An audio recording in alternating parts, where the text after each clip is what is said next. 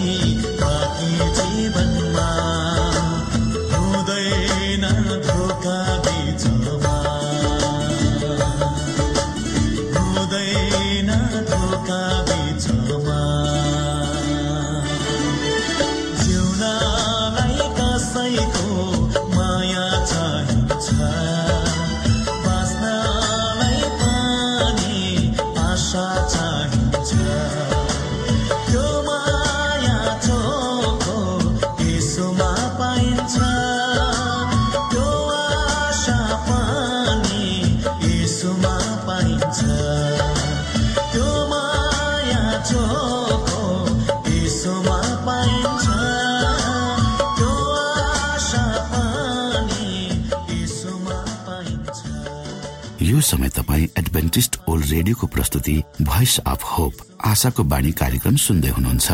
श्रोता मित्र यो समय हामी पास्टर उमेश पोखरेलबाट आजको बाइबल सन्देश सुन्नेछौ। श्रोत साथी न्यानो अभिवादन। म तपाईँको आफ्नै आफन्त अर्थात् पास्टर उमेश पोखरेल। परमेश्वरको वचन लिएर यो रेडियो कार्यक्रम मार्फत तपाईँहरूको घर आँगनमा उपस्थित भएको छु। श्रोता मलाई आशा छ तपाईँले हाम्रा कार्यक्रमहरूलाई नियमित रूपमा सुनेर परमेश्वर को हुनुहुन्छ भन्ने कुरो चिन्दै हुनुहुन्छ र परमेश्वरसँगको यात्रा आफ्नो जीवनमा कति मिठो हुँदो रहेछ भन्ने कुरो अनुभूति पनि गर्दै हुनुहुन्छ। आजको प्रस्तुतिलाई पस गर्नुभन्दा पहिले आउनुहोस् हामी परमेश्वरमा अगुवाईको लागि बिन्ती राख्नेछौँ। जीवित जिउँदो महान दयाल परमेश्वर प्रभु हामी धन्यवादी छौँ। यो जीवन र जीवनमा दिनुभएका प्रशस्त आशिषहरूको लागि। यो रेडियो कार्यक्रमलाई प्रभु म तपाईँको हातमा राख्दछु। यसलाई तपाईँको राज्य र महिमाको प्रचारको खातिर यो देश र सारा संसारमा पुर्याउनुहोस् ताकि धेरै मानिसहरूले तपाईँको ज्योतिलाई देख्न सकुन् तपाईँको राज्यमा प्रवेश गर्ने मौका पाउन्। यसबाट तपाईँको महिमा होस्। आमेन।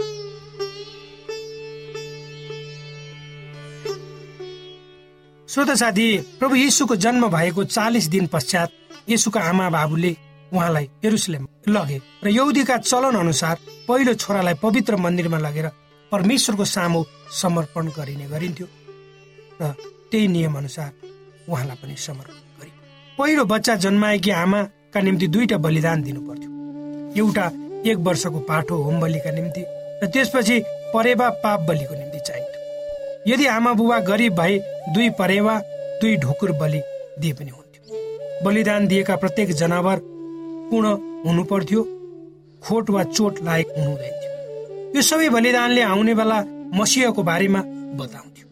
यसो पनि स्वस्थ र शुद्ध हुनुहुन्थ्यो। शरीरमा कुनै पनि खोट वा दाग थिए सारा जिन्दगी उहाँ शुद्ध र प्रकृतिको नियममा रहनु शारीरिक र आत्मिक रूपमा मानिसलाई राम्रो हिसाबसँग बाँच्न सिकाउने उहाँ परमेश्वर तर्फको एक असल उदाहरण हिब्रू परिवारमा सुरुदेखि नै परमेश्वरको प्रतिज्ञा अनुसार पहिलो छोराले संसारको पापीलाई बचाउने भएकोले उसलाई परमेश्वरको कामको लागि समर्पित गरिन्थ्यो। सानो बालक यसुलाई मन्दिरमा चढाउनु कति वचम्मको कुरो थियो। मन्दिरका पुजारीले बालक यसुलाई काखमा लिँदा त्यो बच्चा कस्तो भने बुझ्न नसक्नु कस्तो दुःखको कुरा थियो। दिनदिनै समर्पणको लागि आउने वा बच्चा र आमालाई उनले थोरै मात्र ध्यान दिने कोही धनी मानिस आयो भने बढ्ता ध्यान उनीहरूको पहिरणले र र बलिले उनीहरू कस्ता छन् भन्ने कुरो स्पष्ट पार्दथ्यो पुजारीले आफ्नो नियम पुरा गर्दै गए। उनले बालकलाई हातमा लिएर पूजा स्थानमा उचाले। उनले आमालाई हातमा लिएको पहिलो बच्चाको नाम सूचीमा उनको नाम यसुले।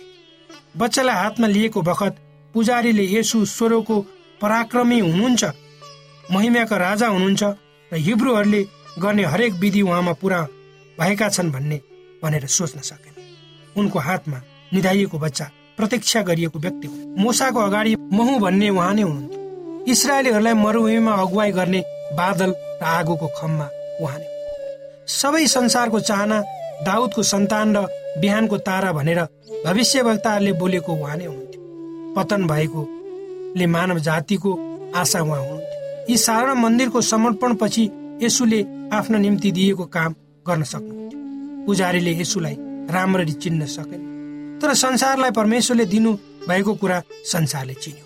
कसैले त्यहाँ उहाँ नै हुनुहुन्छ भन्ने चिन्यो। यसै समय एकजना सिमोन नाम भए गरेका भक्त मन्दिरमा पसे उनी बुढा भइसकेका थिए। तर पवित्र शास्त्र अनुसार उनले मुक्तिदातालाई नदेखेसम्म मर्ने छैनन् भनेर भनिएको जब एउटा गरिब परिवारले आफ्नो जेठो छोरो मन्दिरमा समर्पण गर्न लागेको उनले देखे। उनलाई पवित्र आत्माले बताइदिनु भयो पुजारी आश्चर्यित भए। उनले त्यस बच्चालाई उनको आमाबाट लिएर माथि उचाले कहिले कसैले अनुभव नगरेको खुसी उनले यसरी भन्न थाले। अब हे परमप्रभु आफ्नो वचन अनुसार तपाईँले आफ्नो दासलाई शान्तिसित बिदा दिनुहोस् किनकि मेरा आँखाले तपाईँको उद्धार देखेका छन् जो तपाईँले सबै मानिसको सामुन्ने तयार पार्नु भएको छ। अन्य जातिहरूलाई प्रकाशका निम्ति ज्योति र तपाईँको ज्योति इसरायलीहरूलाई महिमाका निम्ति ज्योति।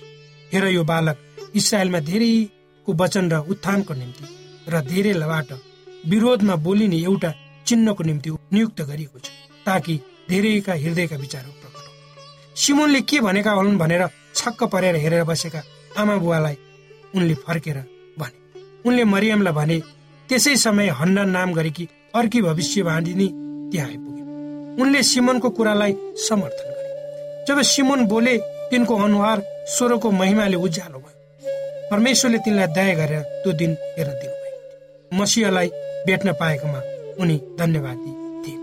यी दुई विनम्र भविष्य वक्ताहरूले परमेश्वरको विषयमा पढेका थिए र ईश्वरलाई मान्दथे।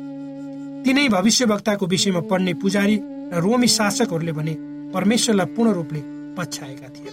आफ्नै अगाडि घटेको अद्भुत कुरा हेर्नलाई उनीहरूको आँखा बन्द भइसकेका थिए। यस्तो अहिले पनि भइरहेको छ। स्वरको केन्द्रबिन्दु जस्ता संसारमा विभिन्न घटनाहरू घट्दा पनि मानिसले कुनै ध्यान दिएको देखिँदैन। धार्मिक मानिसहरू इतिहास यसुका बारेमा कुरा गर्दछन् तर उहाँले दुखी गरिबको सेवा गर भन्ने उहाँको भनाइलाई हेलत्त गर्दछ आज जसरी उहाँको काम गर्ने व्यक्तिहरू आज जसरी उहाँको काम गर्न व्यक्तिहरू हिचकिचाउँछन् आजभन्दा दुई हजार वर्ष पहिले पनि त्यस्तै अवस्था थियो। जब मरियमले बालक यसुलाई आफ्नो हातमा लिइन् बेथलेममा भएको समय गोठालाहरूले भनेका कुरालाई उनले सम्झे ती भनाइहरू र सिमोनको भविष्यवाणी सुनेर उनको मन खुसीले भयो उनले भनेको वचन उनको मनमा आयो। किनकि हाम्रो निम्ति एउटा बालक जन्म भएको छ। हाम्रा निम्ति एउटा छोरो दिएको छ। शासन उहाँको काँधमा छ। काँधमा हुनेछ। उहाँ अचम्मका सल्लाहकार शक्तिशाली परमेश्वर अनन्तका पिता शान्तिका राजकुमार कहलाइनुहुनेछ श्रोत साथी मरियमले आफ्नो छोरो ठुलो भएर इसरायलको राजा हुन्छ भन्ने आशा गरे। उहाँको जीवनको कष्टका विषयमा उनले बुझिन्। सिमुनको शब्द उहाँको दुःखका घडीका विषयमा बोलिएका शब्दहरू थिए।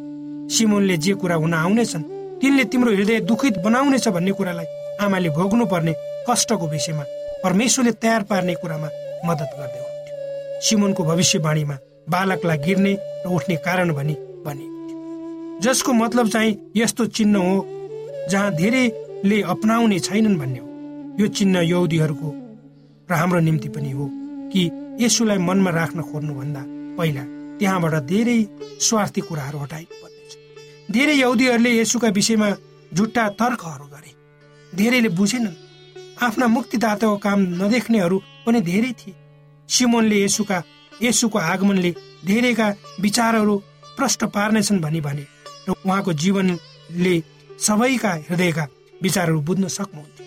सैतानले परमेश्वर स्वार्थी सबै कुरा चाहने तर केही पनि नदिने भनी प्रस्तुत गर्न खोजिरहेको थियो। तर यसुलाई हाम्रो निम्ति दिएर परमेश्वरले आफ्नो हृदय कस्तो छ भने देखाउनु। मृत्युलाई जस्तै गरेर उहाँले पापलाई घृणा गर्नुहुन्छ र पापीका निम्ति पनि उहाँको प्रेम अझै प्रगाढ छ भनेर भनिएको छ। श्रोत साथी सारा संसारको निम्ति उहाँले सबै कुरा आफ्नो हातमा लिनुहुन्छ र परमेश्वरले सबै कुराहरू उहाँको हातमा राखिदिनुहुन्छ भनेर भनिएको यो सबै मानिसकै निम्ति थियो। उहाँ भन्नुहुन्छ यी सबै कुरा प्रयोग गरेर मानिसलाई निश्चित गराऊ कि मेरो प्रेमभन्दा ठुलो पृथ्वी र स्वर्गमा अरू केही कुरा पनि छैन। सैतानको विचार क्रुसमा प्रष्ट पारिने थियो। त्यहाँ प्रेम र स्वार्थपन मुखामुख गरेर सँगै उभिने थियो। यसुले अरूलाई आशिषित पार्न बाँच्नु उहाँलाई मृत्युसम्म पुर्याउन पुर्याएर उसले आफ्नो घृणाको गहिराईलाई देखाए। उसको विद्रोहको मुख्य उद्देश्य परमेश्वरलाई उहाँको सिंहासनबाट तल झार्नु र जसद्वारा उहाँले संसारलाई प्रेम देखाउनु खोज्नु भएको छ। त्यसलाई नाश गर्नु नै हो भनेर प्रश्न देखाउनु कोक्रोदेखि क्रुससँगै यसुको जीवनको निस्वार्थपन थियो। यसले उहाँको जीवनको उद्देश्य स्पष्ट बताउँछ। यसो स्वरको सच्चाइ सहित आउनुभयो। जसले पवित्र आत्माको वचन सुनेका थिए उनीहरू यसतर्फ खिचिए। जसले आफ्नो स्वार्थलाई मन पराए उनीहरूले जाने पनि उनीहरूको सोचद्वारा उनीहरू कतापट्टि छन् भन्ने कुरा बताए। आज जसले उहाँलाई पछ्याउँछन् अप्नाउँछन् उनीहरू त्यही तरिकाले चिनिन्छन् र चिन्छन्। अन्तको समयमा क्रुसको मतलब राम्रोसँग हेर्न र बुझ्न हामी सक्छौँ। हराएकाहरूले यसुलाई नलिएको कुरा महसुस गर्नेछन्। सबैले यही बुझ्नेछन् कि दुष्टताको निम्ति परमेश्वरलाई दोष लगाउनु ठिक होइन। उहाँले त्यहाँ उपाय बताउनु भएको छ। अन्तमा जब सबैको विचार बताइनेछ जसले ईश्वरलाई पछ्याएका छन् जसले उहाँलाई विद्रोह गरेका छन् सबैले परमेश्वरको निर्णय ठिक थियो र परमेश्वर न्याय हुनुहुन्थ्यो भनेर बुझ्नेछन्। परमेश्वरले यी वचनहरूद्वारा तपाईँ र मलाई आशिष दिउन्।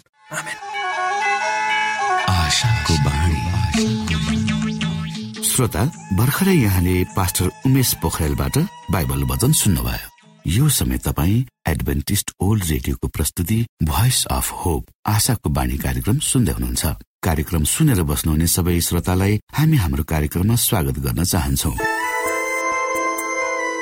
श्रोता मित्र यदि तपाईँ जीवनदेखि हरेस खानु भएको छ तपाईँका जीवनमा धेरै अनुत्तरित प्रश्नहरू छन् भने आउनुहोस् हामी तपाईँलाई परमेश्वरको ज्योतिमा डोहोऱ्याउन चाहन्छौ। र तपाईँ आफ्नो जीवनका चिन्ता फिक्रीबाट निश्चिन्त हुनुहोस् र बाँच्नुको आनन्द परमेश्वरको सामिप्यमा कति मिठो हुन्छ त्यो चाख्नुहोस् भनी हामी चाहन्छौँ।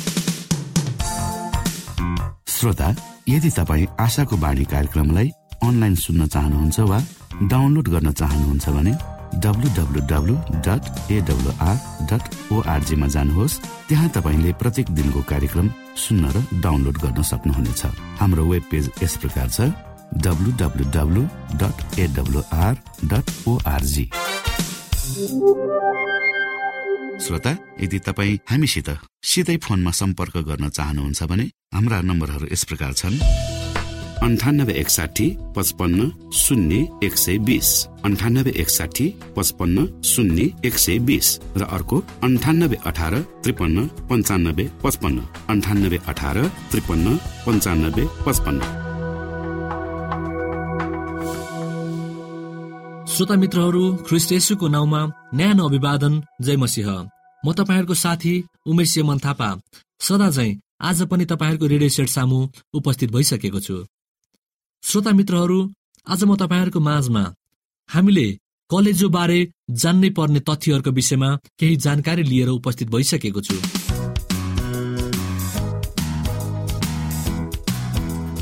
केही दिन अघि एउटा च्यारिटी सोमा बलिउड अभिनेता अमिताभ बच्चनले आफू केवल पच्चिस प्रतिशत कलेजोले बाँचिरहेको सार्वजनिक गरे।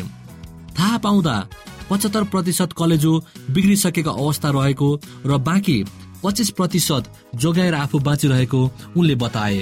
तर के बिग्रिएको कलेजो जोगाउन सकिन्छ? कलेजो बारे जान्ने पर्ने तथ्य।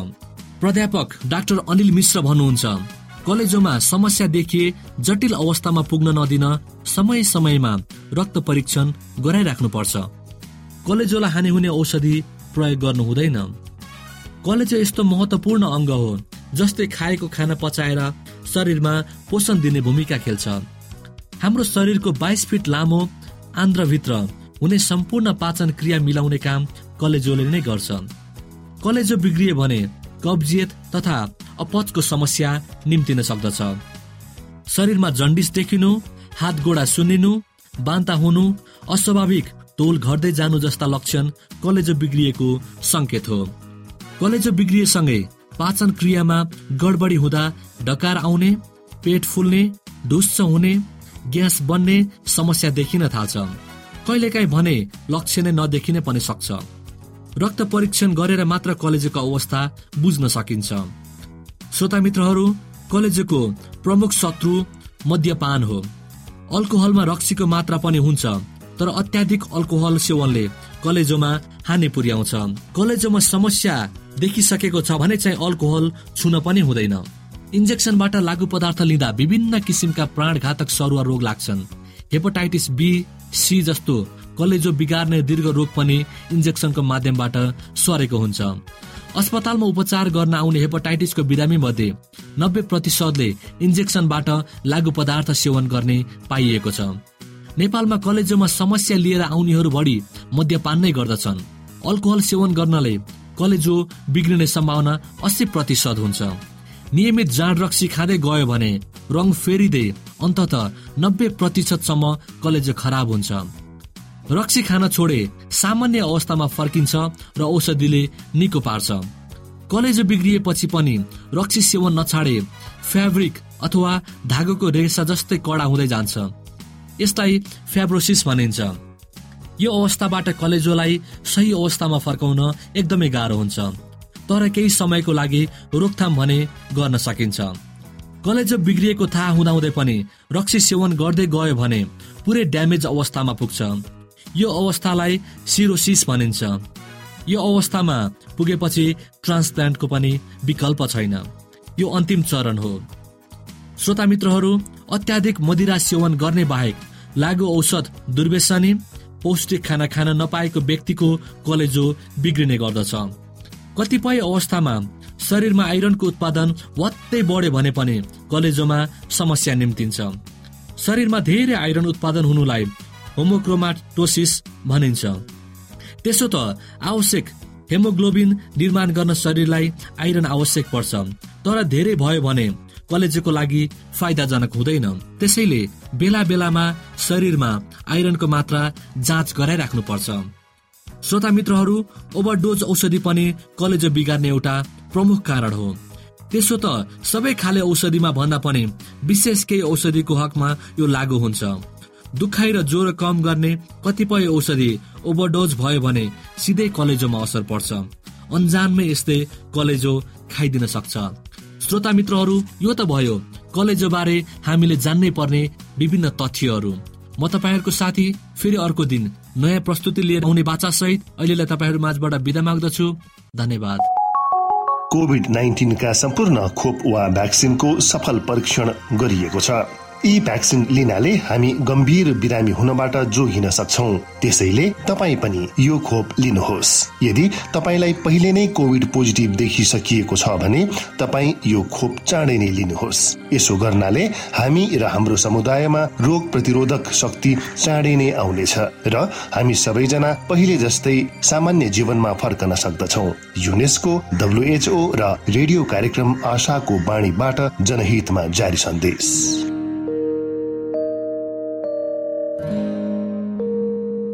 आदरणीय मित्र बाइबलले बताएको छ परमेश्वरले तिर्खाकाहरूलाई तृप्त पार्नुहुन्छ र भोकालाई उत्तम पदार्थले सन्तुष्ट पार्नुहुन्छ।